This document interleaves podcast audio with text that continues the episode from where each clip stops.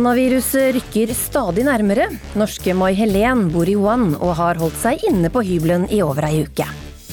Larvesmoothie, larveøl eller kanskje litt larveost? Vi må endre kostholdet vårt for klimaets skyld, ifølge Miljødirektoratet. Line Elvsåshagen har testa ut framtidas mat. Er vinteren i ferd med å forsvinne? Ski-NM måtte kjøre inn snø for å redde mesterskapet, forteller løypekjører Bjørn Syvertsen. Vi har en fem kilometer på syd, og så har vi fem kilometer på nord. Og den der nord får vi ikke brukt pga. at det ikke er snø. Da, for vi, det blir for mye å kjøre ut. Jeg vet om eh, venner som fjerner kubuslappen på klærne, så ingen skal forstå hvor genseren kommer fra, sier 15-åring. Ukeslutt tar debatten om klespresset blant de unge.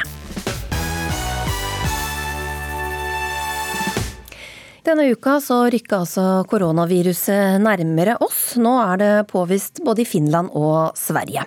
Og Utenriksdepartementet de har hentet noen nordmenn ut av Kina. Men eh, har du vært frista til å dra, Mai Helene Strømsmo? Eh, nei, jeg har ikke vært veldig frista til å dra. Jeg har det egentlig veldig eh, OK her. Jeg har en skole som passer på meg, og eh, det er veldig trygt på skoleområdet.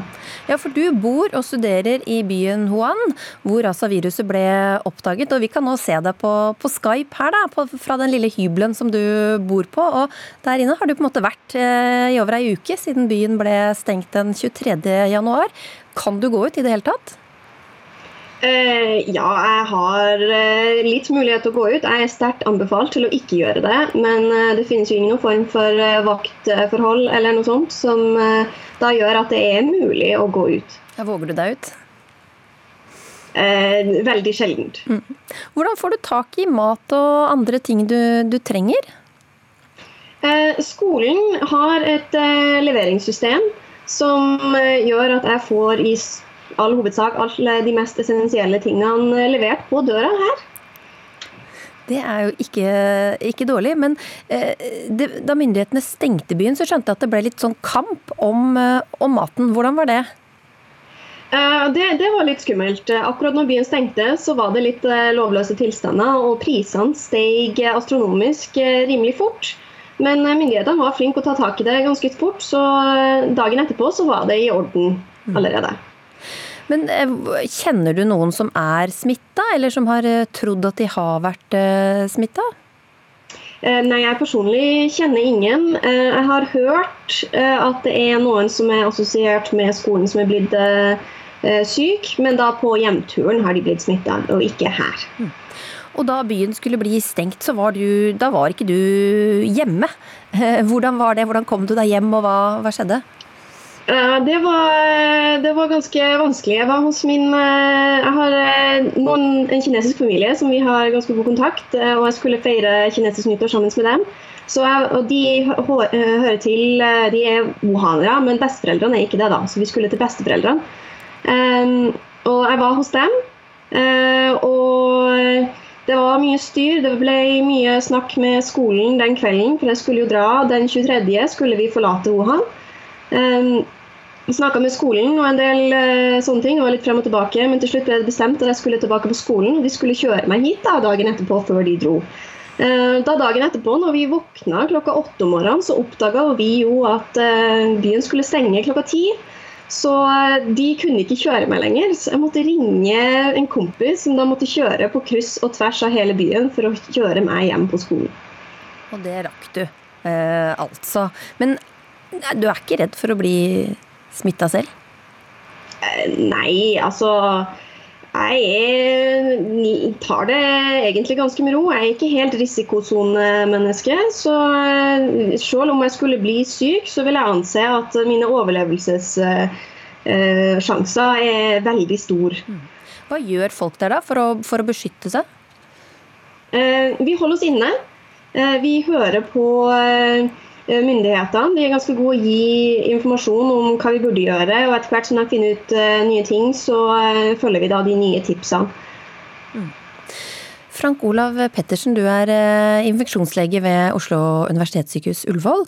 og Du hører at May-Helen holder seg mest på, på, på hybelen. Er det, er det lurt?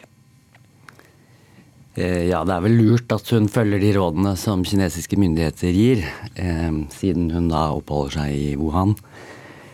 Um, generelt så sier vel vi og norske myndigheter, helsemyndigheter at uh, så lenge du er frisk, så kan du jo være ute.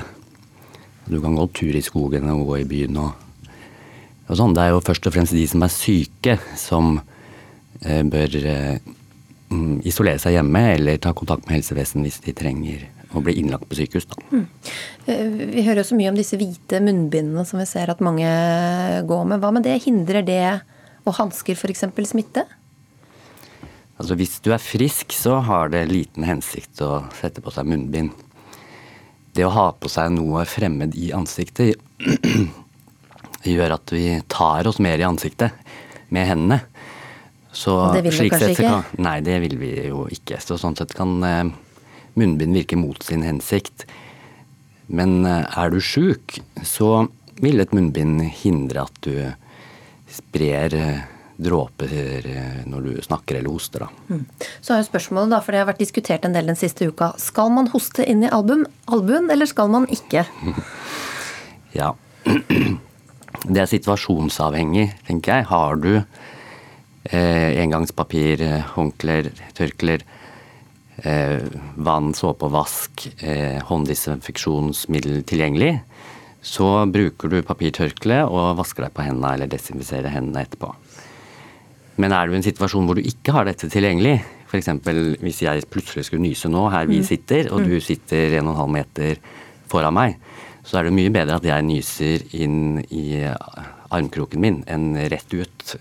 For da vil du kunne puste inn det jeg hoster ut. For det er ikke sånn at da bærer du med deg det viruset overalt ellers, liksom? Ja, men nå pleier jeg jo ikke å hilse på folk med armkroken. Nei.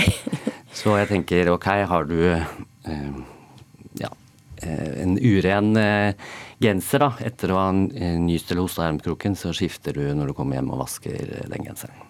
Men nå er det altså påvist et smittetilfelle i Sverige, og da tenker man kanskje at det er fort gjort nå, at det er rett før det kommer eh, hit. Hvordan er dere på Ullevål sykehus eh, forberedt på eventuelt ta imot den eh, smitta?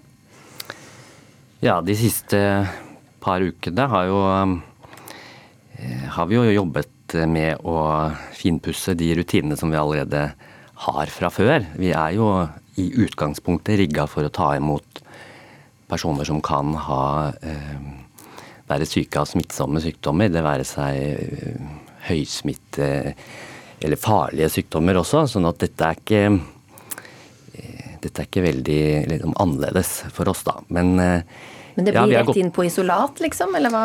Ja, vi har gått gjennom rutinene våre og i samarbeid med også primærhelsetjenesten. Og vi har et opplegg for hvor pasienter med mistenkt koronavirussykdom skal Eh, legges. De skal legges på isolatrom og bli undersøkt der. Ehm, og så dere er forberedt og får ikke panikk hvis det dukker opp Nei, her ikke i Norge? Panikk. Vi har ikke panikk. Mai Helen Strømsmo, hva sier eh, familien din eh, da til at du vil fortsette å være i Kina? De er vel i stor grad enig med meg om at jeg har det bra her og at det er trygt nok for meg. Så de syns det er greit. Da sier jeg tusen takk til deg, Mai Helen Strømsmo og Frank Olav eh, Pettersen. Vi må spise mindre kjøtt og mer grønnsaker. Ja, du har hørt det før, men det er en del av Klimakuren som ble lagt fram i går. Vår nye klima- og miljøminister Sveinung Rotevatn fikk overlevert over 1000 sider med forslag til hvordan vi kan kutte hele 50% i klimautslippene innen 2030. Og vi spurte Rotevatn hvor langt han er kommet i å legge om sitt kosthold. Nei, altså jeg er ikke vegetarianer, så jeg spiser kjøtt, jeg. Men jeg spiser nok litt mindre enn før. Jeg tror nok Før så var jeg litt mer den typen som jeg tror mange nordmenn egentlig er. At uh, middag det er å kjøpe seg et kjøttstykke og så noen poteter, og så, så, er du i gang. Nå spiser jeg nok mer grønnsaker enn jeg gjorde før. Jeg spiser mer fisk enn jeg gjorde før. Og så unner jeg meg litt godt kjøtt når jeg har lyst på det. Kunne ikke tenke deg å begynne å spise larver, f.eks.? ja, det det, det, er greit. Jeg er relativt altetende, og jeg kjenner en del som har prøvd litt forskjellig, også larver. Så eh, jo da, det er bare å sette det for meg, så skal jeg forsøke. Hvordan bør folk eh, bidra i matveien? Nei, altså jeg mener at folk må da få lov til å gjøre det de vil. Eh, og så er det mange som har lyst til å bidra og gjøre en klimainnsats. Så det er klart, det å tenke litt over hva du putter i kjøleskapet og deretter i munnen, det har en del å si. Eh, og så tror jeg også det er viktig å tenke over noe som vi lærte når vi var små, de fleste av oss, og det er at vi må ete opp maten vår. Fordi matsvinn er et betydelig problem, også et betydelig klimaproblem. Så hvis en tenker litt over det, så gjør en fall en god innsats på egen hånd. Og så er det hovedsakelig mener jeg, et politisk ansvar å sørge for at vi kommer i mål med, med å stoppe klimaendringene. Vel, en som har kommet et enda lengre stykke på vei, kanskje, med å begynne å spise mer klimavennlig, det er deg, Line Elfsås eh, Hagen. Velkommen hit. Hei, tusen takk. Du har laget en serie om maten. Line fikser maten. Men først, hva slags forhold hadde du på en måte til mat før du begynte med denne serien? Altså, jeg er jo fryktelig glad i mat. Og føler jo at altså, en dag, et dårlig måltid, altså en kjedelig frokost eller en døll lunsj, er på en måte et, altså da er det et måltid gått tapt, en, et øyeblikk av lykke som forsvinner. hvis du. Jeg, blir veldig, jeg kan bli kjempeglad bare av et knekkebrød med ost og agurk. Så jeg er jo veldig, er jo en matelsker. Eh, men så veit jeg jo samtidig at mat er jo den tredje største grunnen til hvorfor det går dårlig med kloden. Og mat er jo også noe jeg som sagt forholder meg til tre-fire ganger om dagen. Det betyr at jeg også kanskje da kan gjøre noe litt bra, da. Tre-fire ganger om dagen, som jeg syns er en veldig fet tanke. For det er jo ikke så lett å vite akkurat hva man skal foreta seg som forbruker i denne klimakrisen. Mm. Du holdt på å gi opp underveis mens du jobba med serien. Hvorfor det? Nei, jeg kjente jo bare at eh, altså Jeg intervjua f.eks. noen politikere, og, og, jeg, og, jeg, var jo litt inne i kjøttindustri, og jeg opplevde jo Altså jeg opplevde jo, følte jeg at flere og flere eh, Man skyldte litt sånn på hverandre. sånn Kjøttindustrien var sånn Nei, men bil- og flytrafikk er jo også ganske ille. Hva med det? Og så sa grønnsaksbøndene ja, men forbrukerne, det er de som må ta grep. Og så sa politikerne ja, men det er opp til forbrukerne. Ja. Så ble jeg veldig sånn ja, men herregud, samme hvem sin feil det er, eh, men alle har et ansvar. Så jeg kjente jo litt sånn der Og jeg kan jo bli litt utålmodig. Så jeg er sånn Kom igjen, folkens. Jobba på. Nå må vi ha tempo her, liksom. Nå må vi bare få i gang endring. Og så kom jo Klimakur, da. I går. I går. Ja. Er det svaret, føler du, på Altså, Det er jo ikke svaret, eller jo, det er jo på en måte svaret, men jeg må jo si at jeg ble utrolig positivt overraska og veldig glad for at eh, man ser til forskning og på en måte nå faktisk ha helt konkrete tiltak for at noe skal skje. For man snakker mye om ja, ja, vi må gjøre ditt og datt, men så er det liksom ikke noe sånn ja, bare, ja, men hva konkret skal du gjøre da, Bollestad? Mm. Og nå føler jeg at nå har man noen konkrete, konkrete tiltak som også er knytta opp mot vitenskap og forskere, som på en måte man kan stille seg bak. Så opp igjen, nå må vi bare gjøre. Ja. Både forbrukere og politikere, da. Mm. I serien din så ser vi bl.a. noen ganske sterke sånne Altså vi ser ikke selve slaktinga, men får være med på en del av prosessene i, i slakting f.eks. Men, men du har jo sett nærmere på hva vi faktisk kan spise i i framtida, og du har bl.a. vært med på å prøve å dyrke fram kjøtt. Ja, Det var jo helt fantastisk, fordi jeg ante ikke at man gjorde det i Norge engang. Men på Ås så prøver man jo å dyrke fram kjøtt på lab. Og det man da gjør, er at man tar litt muskelmasse fra et dyr. Og man kan også ta muskelmasse fra et levende dyr. Det betyr at i fremtiden så kanskje vi ikke trenger å slakte i det hele tatt for å få kjøtt, som jo er en ganske fet tanke. Og den bitte lille muskelmassen kan da dyrke, man dyrker frem proteiner, så den kan bli til veldig store mengder kjøtt og proteiner man kan blande inn i annen type masse. Så man kan rett og slett slutte å drepe dyr og på en måte få veldig mye ut av veldig lite muskelmasse. Da. Og ikke ha så mange dyr som promper og lager eh, klimagasser. For eksempel, eller drepe dyr. Ja. Men du besøkte også larveriet på Voss. Kan du fortelle hva som skjer der? Ja, nei, Det er jo også noe helt fantastisk. Altså, jeg er veldig glad i teknologi og alle som jobber for å gjøre bra ting i fremtiden. Og der var det jo eh, rett og slett noen larveentusiaster som eh, rett og slett altså, avler opp masse, masse larver.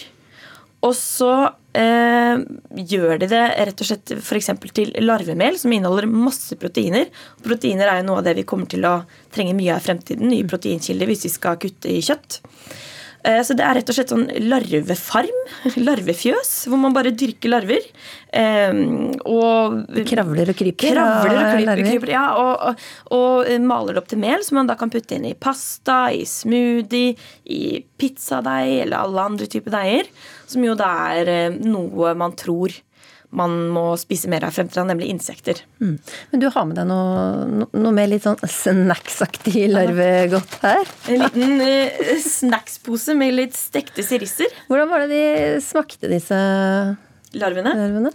Altså, Jeg spiste jo f.eks. Um, larvepizza, og da hadde man jo malt opp larver til mel. Mm. Eh, og bakt inn i deigen. Da smaker man jo absolutt ingenting. Eh, og når jeg sto på det kjøkkenet hvor vi lagde denne larvepizzaen, så jeg er veldig glad i munche mens vi lager mat, eller mens jeg lager mat, så jeg sto liksom og muncha noen små sånne Småspiste. småspiste noen smålarver.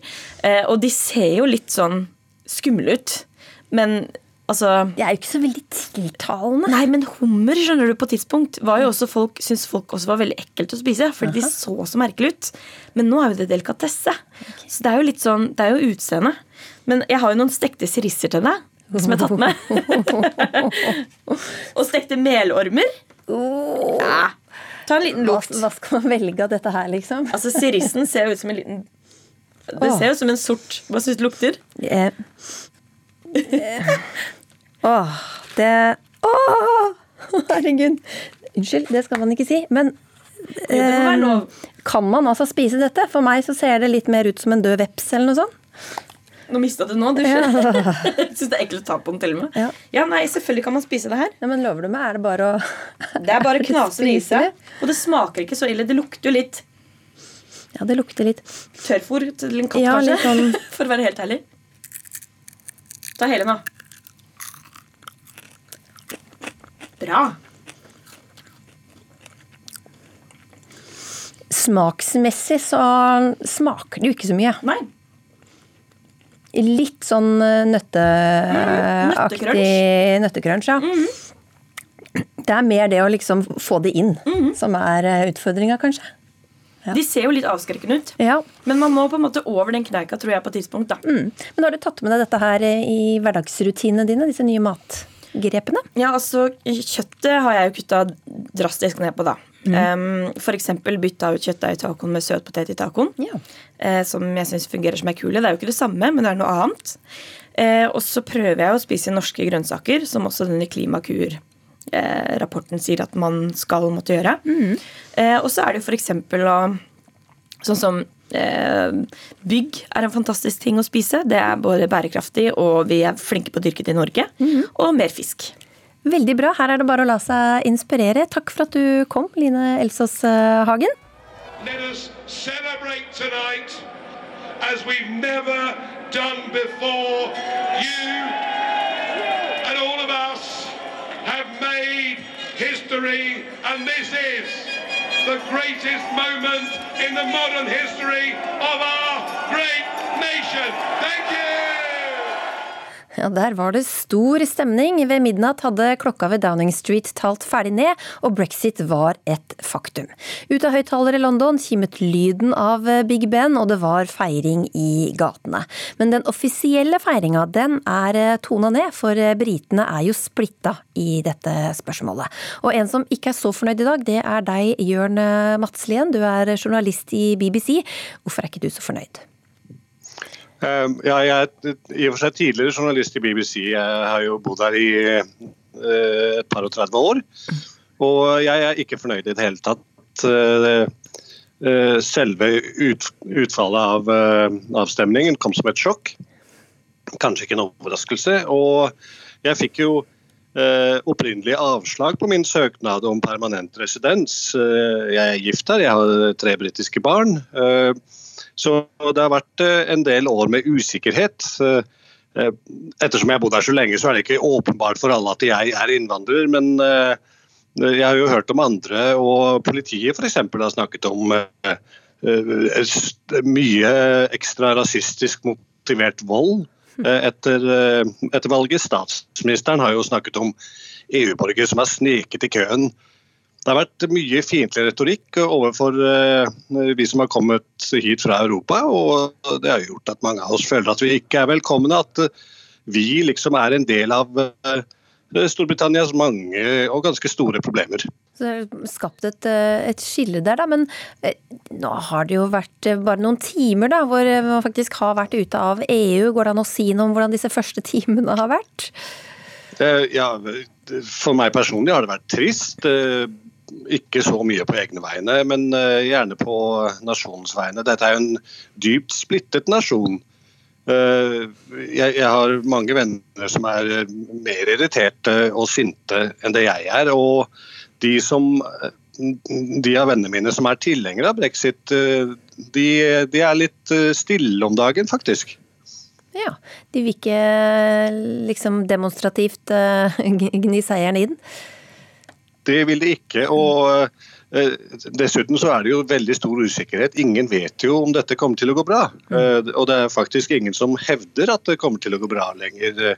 Det er til og med ledende politikere som er på som har drevet brexit gjennom, sier at det er ingen garantier her. Så du tolker at de positive også er blitt litt mer eh, avmålte?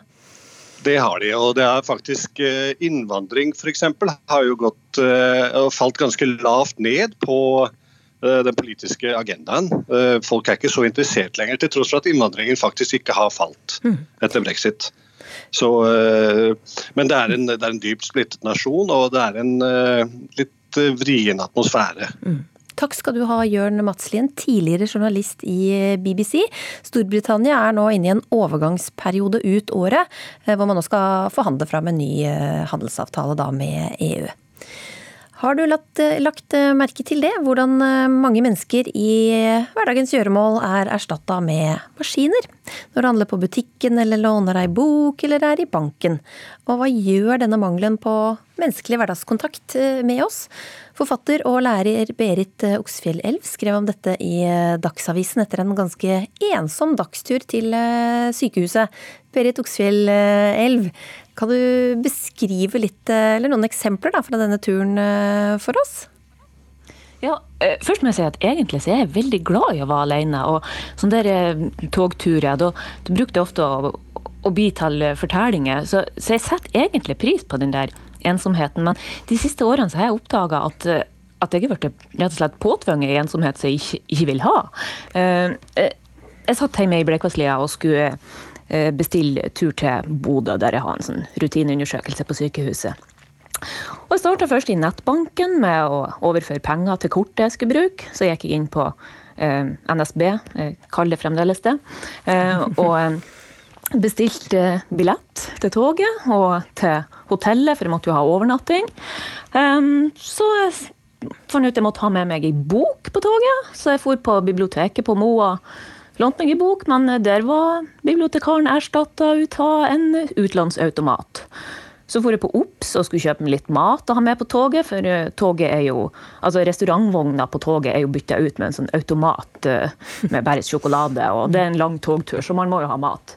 Ja, øh, kom på Ops, og der er jo Eh, ekspeditøren bytta ut med en eh, sånn eh, automat der man beeper varene sjøl. Og sånn fortsatte, ja, og sånn fortsatte den turen helt fram til sykehuset og, og, tilbake. Men Du sier du liker å være alene, men hva er det du savner? Jeg, jeg savner jo et, et lite nekk, et lite smil, et liten hyggelig kommentar. Noe som kan løfte hverdagen. Og særlig i, i forbindelse med sånn som det her, her et sykehusbesøk. Nå var jo ikke jeg syk, men har vært ordentlig syk. Hvis f.eks. skulle legges inn til en kreftoperasjon eller noe som gjør at man er litt sånn frynsete. Det man blir møtt med inne på sykehuset, er en sånn her påloggingsautomat i stedet for en resepsjonist som tar imot deg og, og, kan gi deg et lite oppmuntrende blikk eller gjør et eller annet som gjør at, at du føler deg som et menneske. Mm. Ja. Roer deg litt ned. Filosof Einar mm. Duinger eh, Bøhn, kjenner du deg igjen i det her?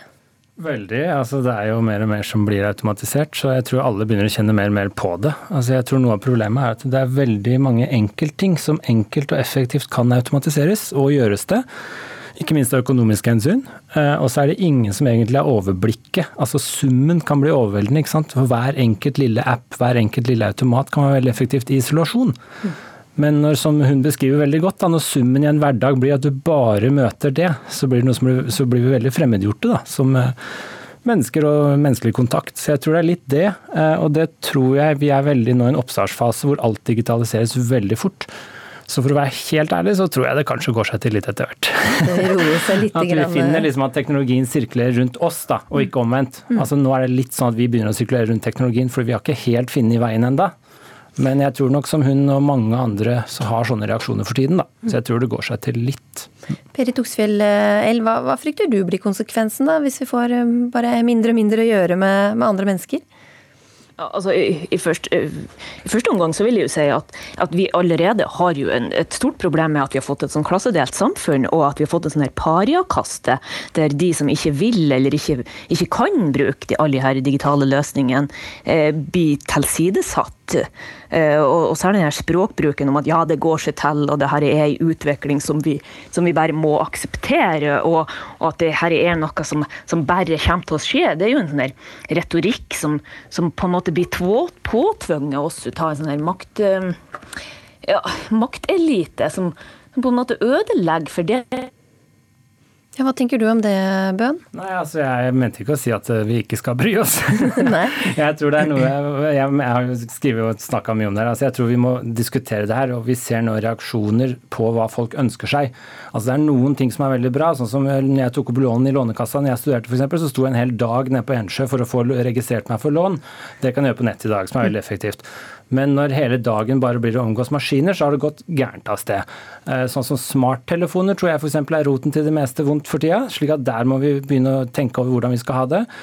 Så jeg mente ikke at en sånn laissez-faire, bare la det gå seg til. Det var ikke tvert imot. Altså, jeg tror dette er noe veldig viktig menneskelig vi må diskutere. Da. Mm. Og vi ser også menneskelig atferd blir litt annerledes. Det er lettere å slenge dritt på nett f.eks. når du sitter bak et tastatur, enn når du står ansikt til ansikt med noen.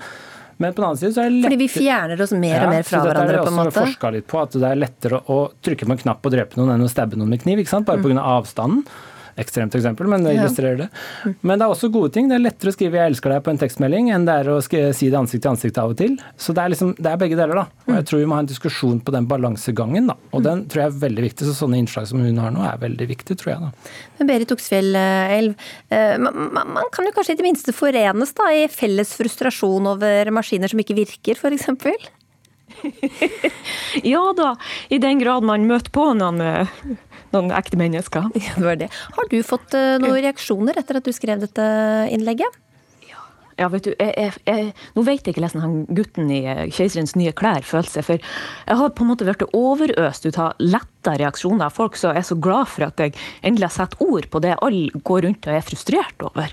Um, så Ja, eh, det var veldig hyggelig. Og det som er så fint, er at det er mange som ringer til meg, i stedet for å sende tekstmelding eller Ja, de har skjønt det. De må ringe deg. De må snakke direkte med deg.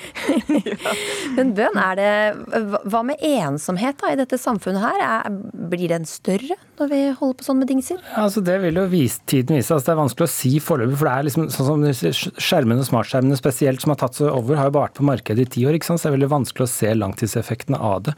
Men det er jo mange måter å være ensom på. Du kan være ensom midt blant mennesker, og så kan du være ensom eh, helt alene fordi du ikke får kontakt med mennesker. Eh, og den siste er jo en fare for at øker når alt automatiseres, ikke sant. Mm. Uh, ja. Tusen takk, sier jeg til dere to, Berit Oksfjell Elv og Einar Duenger Bøen. Denne uka ble det klart at eh, Gjenopptakelseskommisjonen har bedt om en ny, uavhengig sakkyndig vurdering av DNA-beviset i Baneheia-saken fra 2000. Jan Helge Andersen og Viggo Kristiansen ble dømt for drapene av de to jentene på åtte og ti år, og de ble pågrepet etter flere måneder. Her er NRK Dagsnytt klokken 17 med en utvidet nyhetssending i forbindelse med drapssaken i Kristiansand. Det som er situasjonen, er at vi har eh, pågrepet eh, to yngre menn eh, på henholdsvis 19 og 21 år. Vi fikk i dag på formiddagen så fikk vi en bekreftelse fra rettsmedisin på at den ene personen hadde da en såkalt match på, på den profilen som ligger på, på rettsmedisin. Thomas eh, Sommerseth, du er eh, redaksjonssjef i NRK Sørlandet, og du tilbrakte timevis i retten under Baneheia-rettssakene. Hvordan husker du denne dagen vi hørte fra her, og, og, hele saken? Ja, Det kan det sies mye om, men akkurat den dagen eh, så var det litt sånn at eh, jeg, jeg, skjønte liksom at nå skjer det noe. Vi hadde noen kontaktpunkter mot politiet, noen vi kunne liksom ringe og, og sjekke litt uh, hva som skjedde. Men den dagen var det ingen som tok telefonen i politiet. Uh, så jeg husker jeg ringte til jobb og sa at uh, nå må vi være klare, nå skjer det noe. Det skjer noe, Og så gikk det ikke lenge før det kom innkalling til pressekonferanse. Og denne saken, altså Det hadde gått flere måneder siden drapene. og jeg kan forestille meg hvordan det var i Kristiansand. da, og i Norge, Hele Norge var jo opptatt av uh, denne saken. Hvordan, hvordan preget det alle? Nei, Det var som et sånn sort og klamt lokk som lå over byen, spesielt på, den, eh, på forsommeren der gjennom mai og juni. Eh, det var lite folk ute på restauranter og på byen den første tida. Eh, dette turområdet Baneheia, vi må huske på at det ligger et steinkast fra sentrum. Det er det mest brukte turområdet vi har her i Kristiansand. Det var liksom ikke naturlig å bruke det på den måten som har blitt gjort før. Så det prega alle i byen veldig lang tid. Men så var jo politiet veldig sånn at de ga informasjon hver dag. Eh, til et punkt så tok de liksom sommerferie. Så der ble det, kall det et vindu som var litt roligere. Da ting Det skjedde ingenting. Uh, I hvert fall ikke utad. Og reaksjonen da, når eh, disse to her ble pågrepet? Nei, det, var, det, er jo en blanding av, av lettelse. Samtidig så er jo det en grusom greie å få vite at det er to eh, gutter i eh, naboområdet til der jentene gikk tur fra, som eh, mest sannsynlig sto bak. Altså, de ble jo pågrepet for det, sikta og senere dømt for det. Ehm, så det var jo noen fra ens egen by som da sto bak. Og det er selvfølgelig mange reaksjoner og en ugrei ting i seg selv.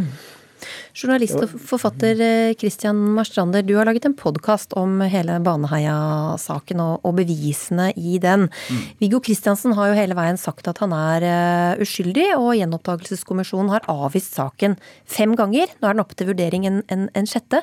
Uh, hva tror du det betyr at kommisjonen nå ber om en vurdering, ny uavhengig vurdering av DNA-beviset? Det betyr at de, eh, de er, det er fortsatt usikkerhet eh, rundt dette DNA-beviset, og de trenger mer informasjon for å kunne ta en avgjørelse på om saken skal gjenåpnes eller ikke. Men, eh, og, og, dette er jo på en måte Det har jo allerede vært to sakkyndige inne i saken tidligere. Altså hos gjenopp, gjenopptakelseskommisjonen. Hva kan man finne ut nå, da? Som man ikke har funnet ut før? Det, det, som man kan finne ut nå, det er rett og slett Først og fremst så, så er det viktig nå for kommisjonen å få en helt nøytral eh, sakkyndig. Fordi de to forrige er jo veldig dyktige DNA-eksperter, men de er jo likevel eh, kommer fra Forsvaret. Arvid Sjødin og Viggo Kristiansens. Det er de som har begjært saken for gjenåpnet, og det er de som kommer med sakkyndige. Så kommisjonen eh, ønsker seg en helt nøytral sakkyndig ny, som kan se på eh, disse resultatene. Og så er det jo sånn at eh, kommisjonen, den kommisjonen som sitter i dag, Ingen av de som sitter der, har eh, vurdert Baneheia-saken før. Det er nye personer. Så det er jo en enormt komplisert sak. Veldig mange detaljer. Og eh, de trenger mer informasjon og går grundig til verks. Så, så, det er veldig bra. Går det an å si kort hva, hva det handler om, dette DNA-beviset? Ja. ja. Hvis man koker dette DNA-beviset ned, så er, handler det egentlig om Finnes det bevis fra åstedet på om det var én eller to gjerningspersoner. Mm. Og eh, det er der usikkerheten ligger. Mm. Og, da, og da, var det sånn at, eh, at uh, spanjolene de, de, analyserte jo uh, spor fra åstedet. Og da fant man et sånt et krysningsspor som de sa det kunne være mulig at det var to gjerningspersoner. Og man kunne ikke utelukke at en av dem var Viggo Kristiansen. Og, og, og, det ble på en måte retten til at det var bevist at det var to gjerningspersoner. Ja. Thomas eh, Sommerseth, da dommen falt, så, så, stilte du et spørsmål til eh, Viggo Kristiansen. Hvordan reagerte han den gangen? Ja, eh, jeg, jeg, satt jo sånn til at jeg satt eh, liksom halvannen meter unna, litt på skrå bak. Eh, så jeg hadde bestemt meg for at den dagen når dommen var avsagt, så skulle jeg liksom lure fram mikrofonen og spørre om det var mulig å få en kommentar. Jeg fikk jo ikke noen kommentar, men han bråsnudde på hælen og eh, fram med, med, høyre hånd og, og viste fingeren. Eh, så det gikk et sånt gisp bak meg i pressekorpset. Eh, det er klart han var frustrert, han var sinna. Han var dømt til forvaring i 21 år. Han hadde jo sittet under hele domsopplesningen og liksom knuga hendene sammen så knokene var hvite og røde om hverandre. Så han var sinna, åpenbart. Men du som var på rettssaken og andre som var der, var folk i tvil om at han var skyldig? Ja, er, altså De momentene vi snakker om i dag, er det samme som det ble snakka om i retten. Så er det noen nye nyanser som ikke var inne den gangen. Eh, men jeg må jo si at vi oppfatter at dette ble lagt godt fram i retten, og at det ble problematisert på de punktene som var svake. Eh, retten landa jo på, da, som Marstrander snakker om, at det var to eh, gjerningsmenn, bl.a. med tanke på DNA fra en person som ikke kan være Jan Helge Andersen. Så det er jo det grunnlaget som ligger der, og det er det det pirkes i nå. Da må jeg si tusen takk til dere to, Christian Marstrander og Thomas Sommerseth. Januar 2020 kommer til å gå inn i historiebøkene som nok en måned hvor nye værrekorder ble slått. Kontrastene har vært store, med nesten 50 graders forskjell mellom Finnmarksvidda og Møre og Romsdal. På Østlandet har det nesten ikke vært snø, og det skaper problemer for NM på ski. Det er vel ca.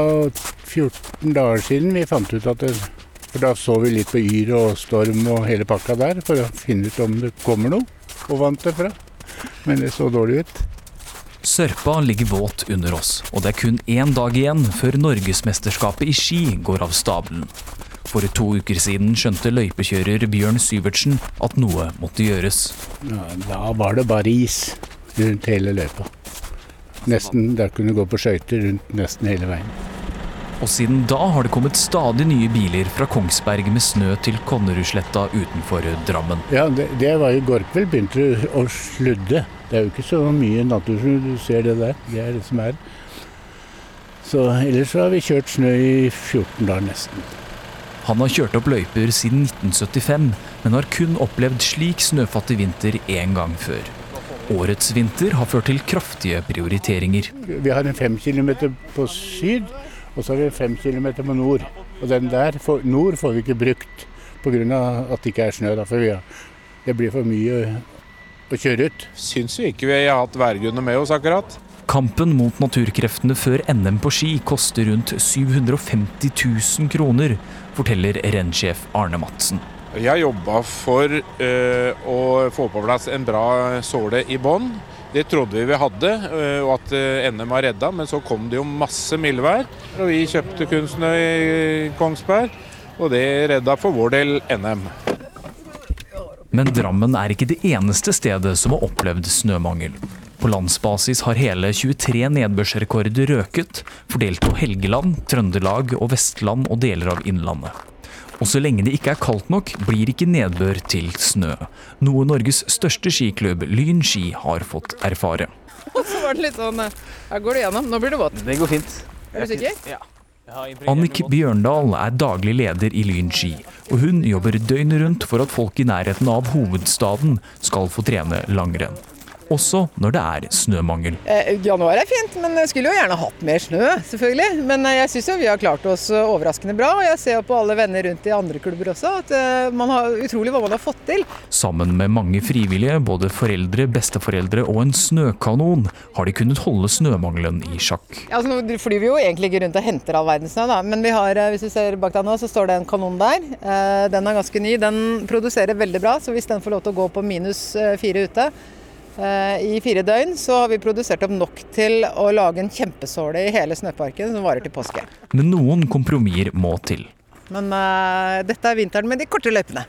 Så alle skirenn blir litt kortere uh, i distanse og litt kortere løyper. Men det går. Bjørndal begynner egentlig å bli litt lei praten om snømangel var noen år på 90-tallet, og 2005 var vel et dårlig år, så det kommer jo innimellom. Og for hver gang det kommer, så må man jo snakke om det. Så noe må man jo, ikke sant? Nordmenn elsker jo vær. Det er jo ingen som sjekker disse værappene så mye som nordmenn. ikke sant? Vi er jo helt værdedikert, av gode grunner selvfølgelig. Eh, sånn at eh, det er jo ikke noe rart det blir et tema. Og at vi i media snakker om snømangel er heller ikke noe nytt. under Vidareløpet i 1938 f.eks. Pga. føreforholdene som jeg nevnte, så det, var det en stund på tale om det ville bli vanskelig å få avviklet Vidaløpet, men det ble besluttet at Og i 1989. Har du tråkket i pelsen i dag, skyldes det forfengelighet. Kulden kan det i alle fall ikke være. Men det har blitt verre med årene. Helt normalt er det vel ikke. I Oslo er det nå minus tre grader. På Tryvannshøgda er det 4,2 mot normal 6,3. Jeg vil vite hvor kaldt det er når jeg går ut om morgenen! Det er på tide å snakke med noen fra Meteorologisk institutt. Det blir det er vel 100 stasjoner som ligger an til å sette ny januarrekord. I praksis store deler av Sør-Norge og trekke seg litt nordover. Som det ligger an. Så dette har vært en veldig spesiell. Det har vært veldig varm januar og med ganske mye nedbør. Det sier klimaforsker Hans Olav Hygen. Han peker på grafen han har foran seg, og den går én vei. Men du ser den gule linja, det er liksom da normalen i gamle dager. Med da rundt 135 dager med 25 cm snø. Vi har definert 25 cm snø som der hvor det er eh, godt å gå på ski. Da kan du gå hvor som helst i terrenget. Men de siste tiårene har noe skjedd. Og, og, så ser vi da at hvis vi begynner å ta den nye, så får vi en ny, skal si, den nye normalen. Da havner de ned på 100 dager. Så da har det forsvunnet en måned med vinter- og skiføre fra Nordmarka utafor Oslo her. Hele ni fylker har fått nye varmerekorder denne vinteren, og de vil ikke skorte på snømangel i fremtiden heller, forklarer Hygen. Det vil jo være store variasjoner fra år til år. Det er viktig å få med seg. Så det kan godt hende at vi får en lang, flott vinter neste år av klassisk type. Men sannsynligheten for å få disse lange vintrene, for at det skal opptre lange vintre med mye snø og sånt, de går ned. Og det er en gjennomgående trend i hele lavlandet at det kuttes. Og så vil høylandet, innlandet, få en, kanskje en kortere vinter, men med mer snø, i hvert fall fram mot midten av århundret. Og så vil temperaturen begynne å krype der, så da begynner å kutte på snømengden der også. Tilbake på Konnerudsletta står Bjørn Syvertsen og dirigerer lastebiler med Kongsbergsnø. Om få timer vil hele Norge se på snøen han har lagt. Bedre blir det. Nå ser du de driver og kjører fram og tilbake og planerer. Og... For det var litt kulete der borte. Ja, det er nok for dette nå, ja. ja. Men uh, hadde sett det var minusgrader. Reporter, det var Filip Johannesborg. Og vi skal til ski-NM på Konnerud utenfor Drammen, og til reporter Karina Olseth. Hvordan er snøforholdene der i dag? Du, ute i løypa så er det jo et ekstremt raskt føre. Snøen der er skarp. Denne sola har stått på her, så det blir et veldig sånn skarpt føre i snøen. Men rundt arenaen så, så er det altså litt vanndammer som ligger. Så, den snøen som har kommet i går og, og litt dagen før, den har smelta bort. Så hadde det ikke vært for det grunnlaget arrangørene har lagt med Kongsbergsnø, så hadde det nok vært litt krise her. Vi har hørt at Therese Johaug tok gullet på 15 km tidligere i dag. Hva skjer rent sportslig videre i dag? Du, nå er vi faktisk midt i 30 km for menn. Den går jo i klassisk i sin helhet. Vanligvis har jo denne NM-distansen vært en duatlon. Men pga.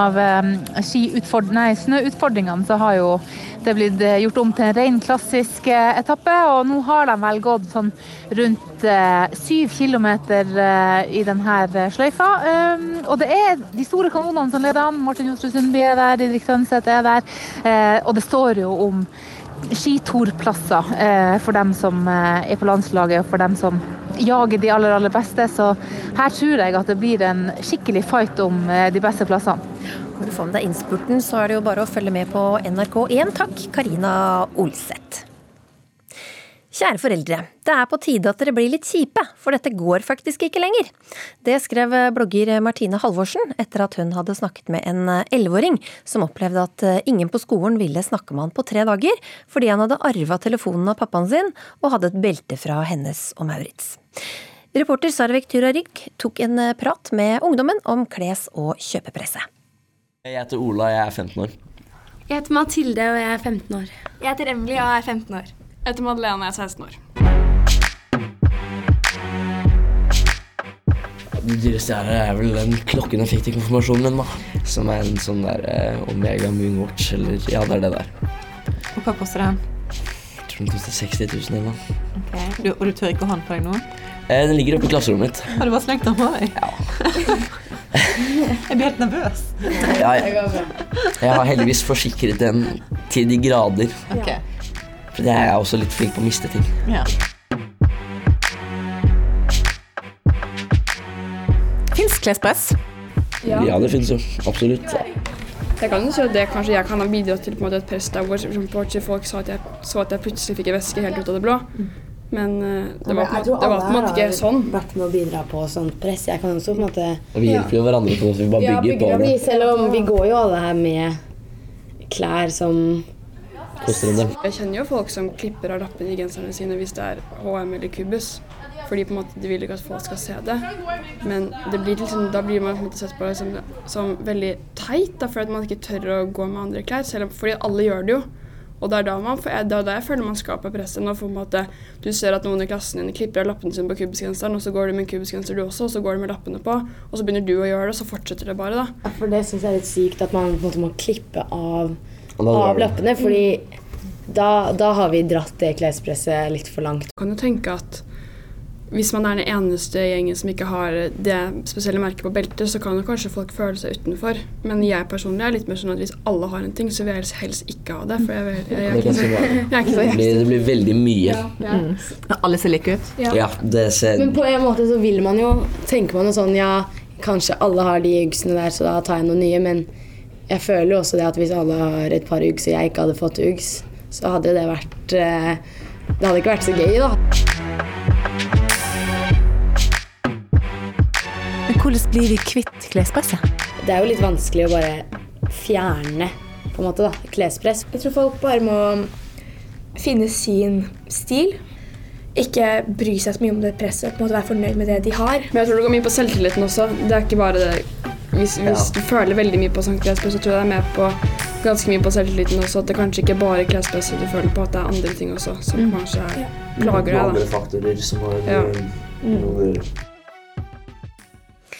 Martine Halvorsen, blogginnlegget ditt det har klikka for oss. Det er blitt delt eh, enormt mange ganger, og det har blitt skrevet litt kronikker fram og tilbake om temaet denne uka.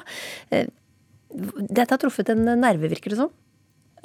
Absolutt. Det har tatt helt av, for å, for å si det sånn.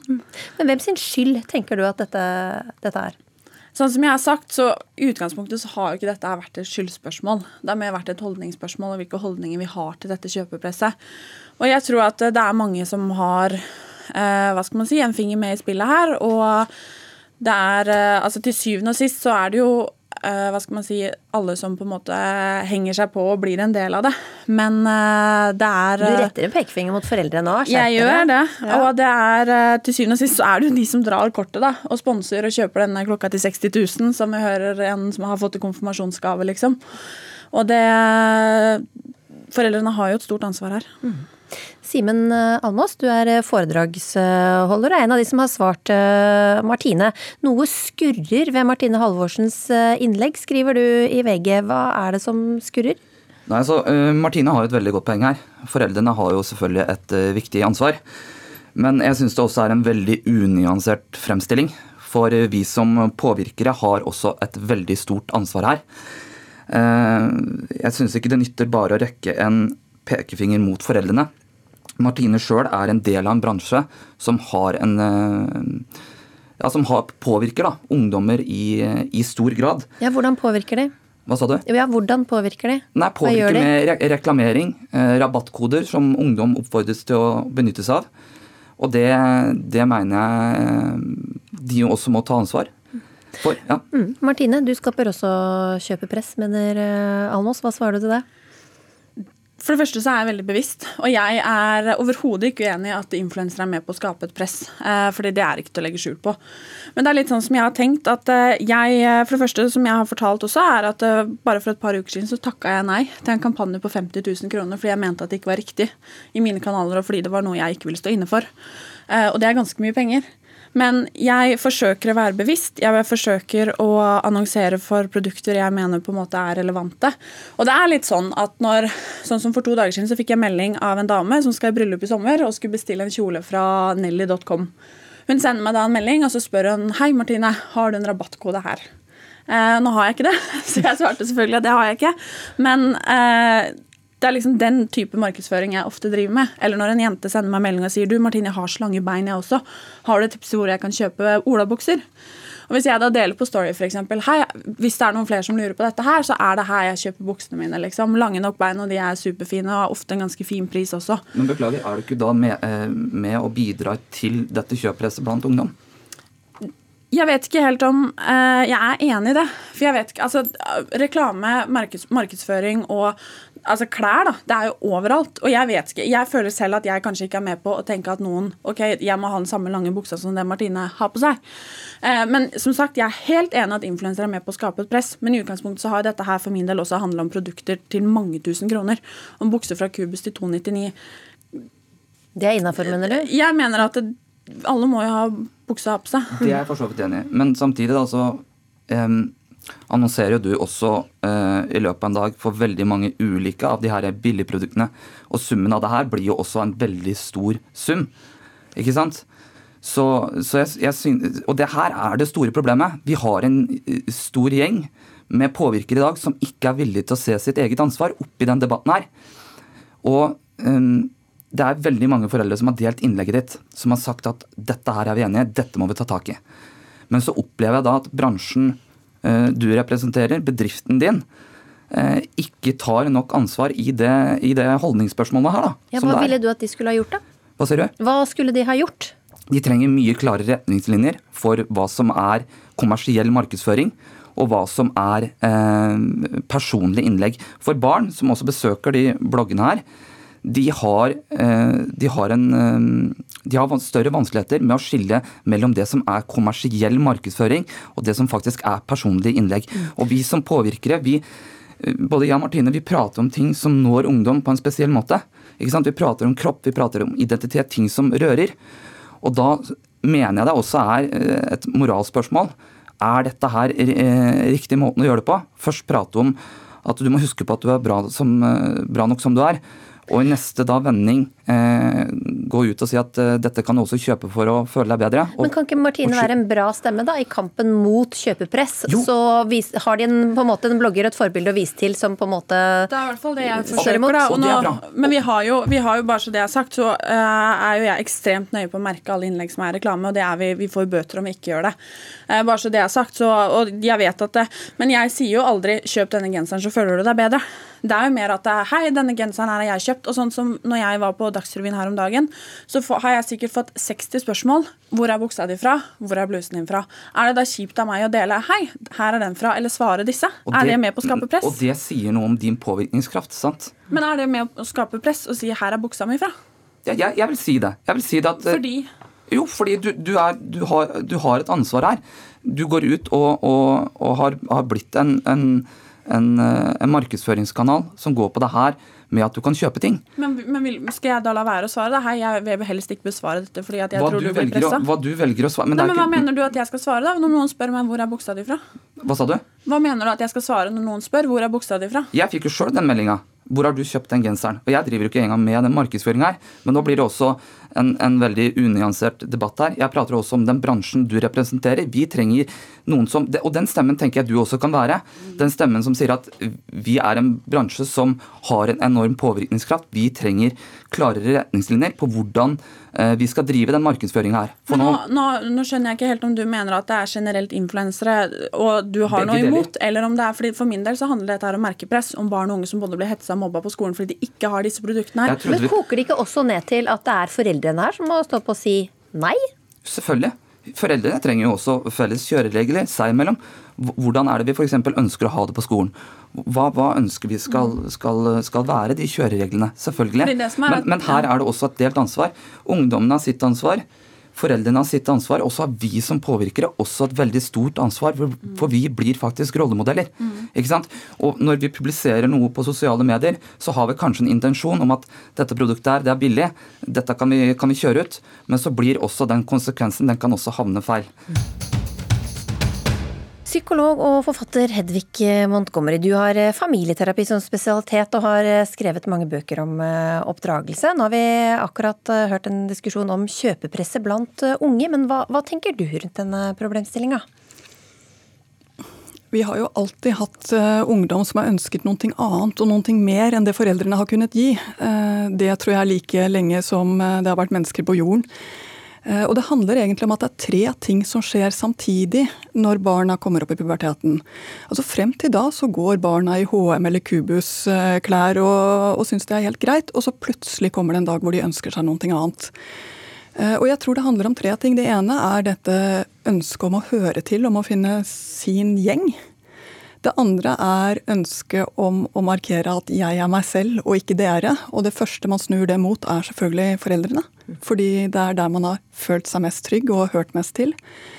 Og det tredje det er at ungdom søker etter perfeksjon. De søker det vakre, de søker det nye, de søker det som ikke har prøvd før. Eh, så det er tre ganske sterke ting som skjer samtidig, som gjør at ungdom vil ha ting som henger litt høyt. Eh, og vil ha det som både viser at jeg er en del av gjengen, og også at jeg er bare meg. For det er jo en interessant ting. De skal være same, same but different. Mm. Men um, handler det litt sånn om mangel på selvtillit også? At man ikke klarer å stå imot det å ikke være lik de andre? Selvtillit når du er 13-14. Jeg vet ikke hvordan du hadde det da du var 13-14. Eh, fordi prosjektet for en 13-14-åring er nettopp å finne ut hvem er jeg i denne verden. Det er rett og slett meningen at du skal tvile. Og det er meningen at du skal søke etter hvem jeg er.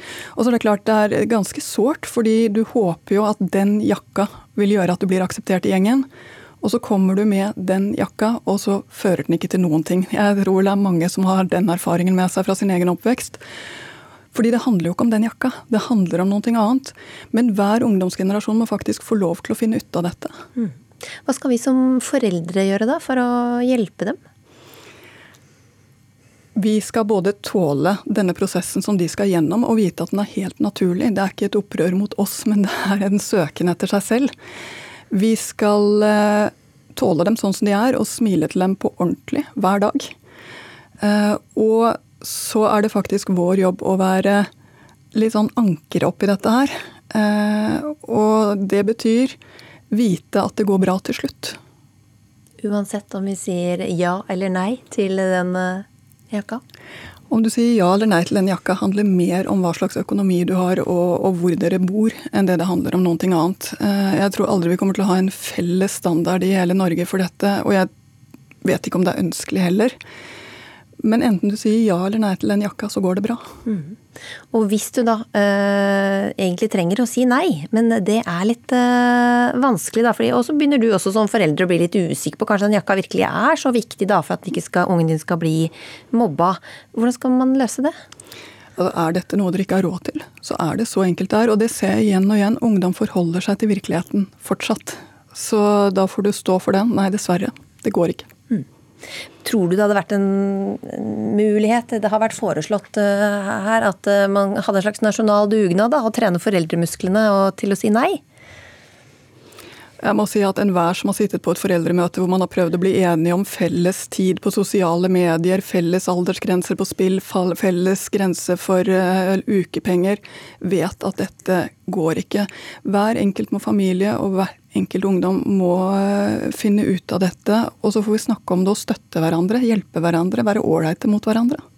Tusen takk, eh, psykolog Hedvig Montgomery. Gjennom eh, hundeserien Fra bølle til bestevenn har eh, mange latt seg sjarmere av hunden Anton.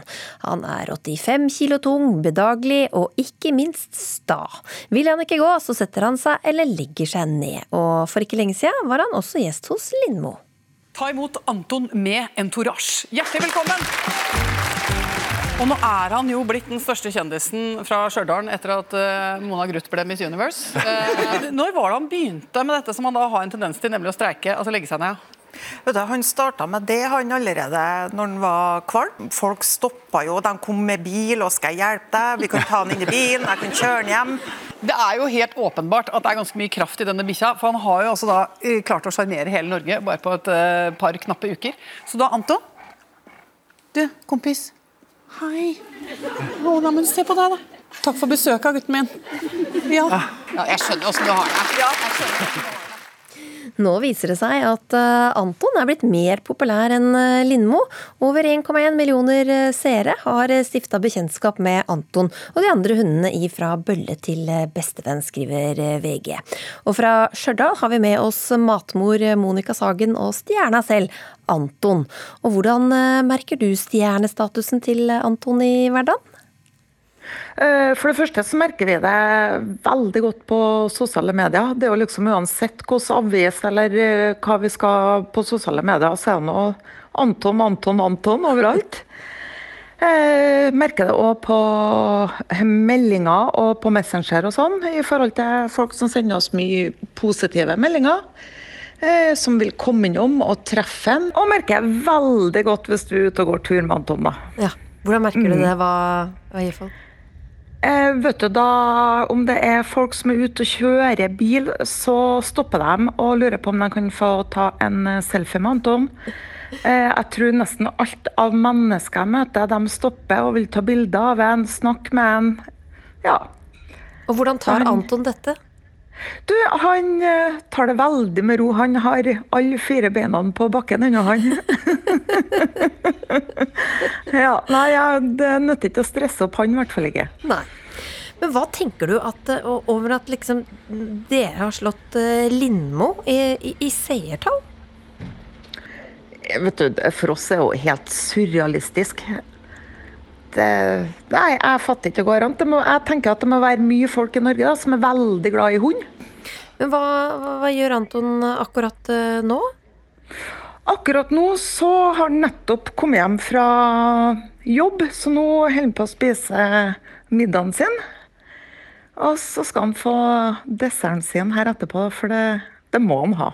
Jeg vil se her. Anton? Hei, der er du! Hei, du! Ja? Hæ? Ja, hva er det?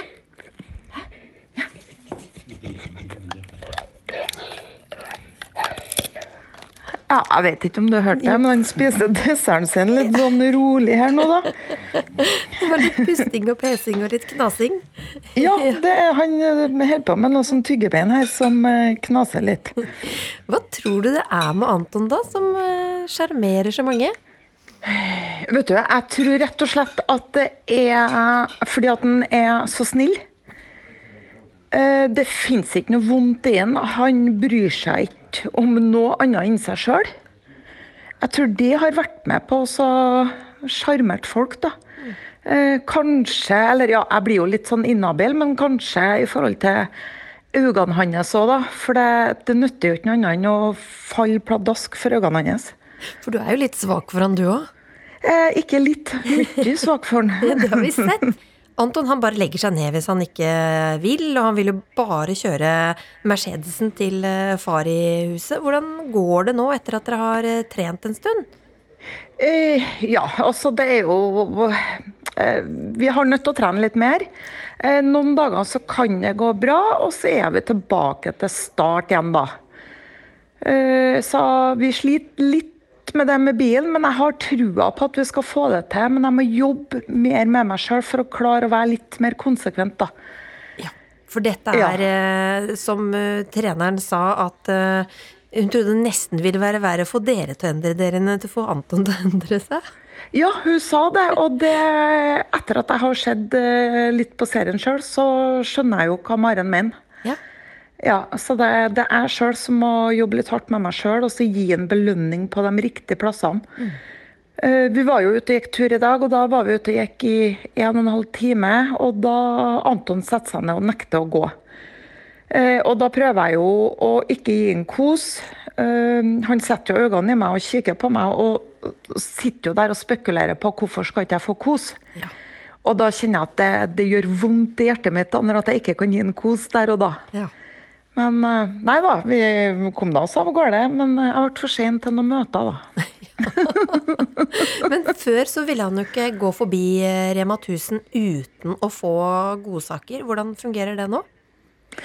Eh, vet du, Der er jeg for svak, da. fordi at hvis at vi går forbi Rema, så ser ikke jeg noen grunn til at han ikke skal få liksom, den lille godbiten på Rema. Selv når han ikke Selv om han har vært litt uh, sta og lagt seg ned? Ja, jeg, det, som jeg sier, jeg må jobbe hardt med meg sjøl. Det har til det.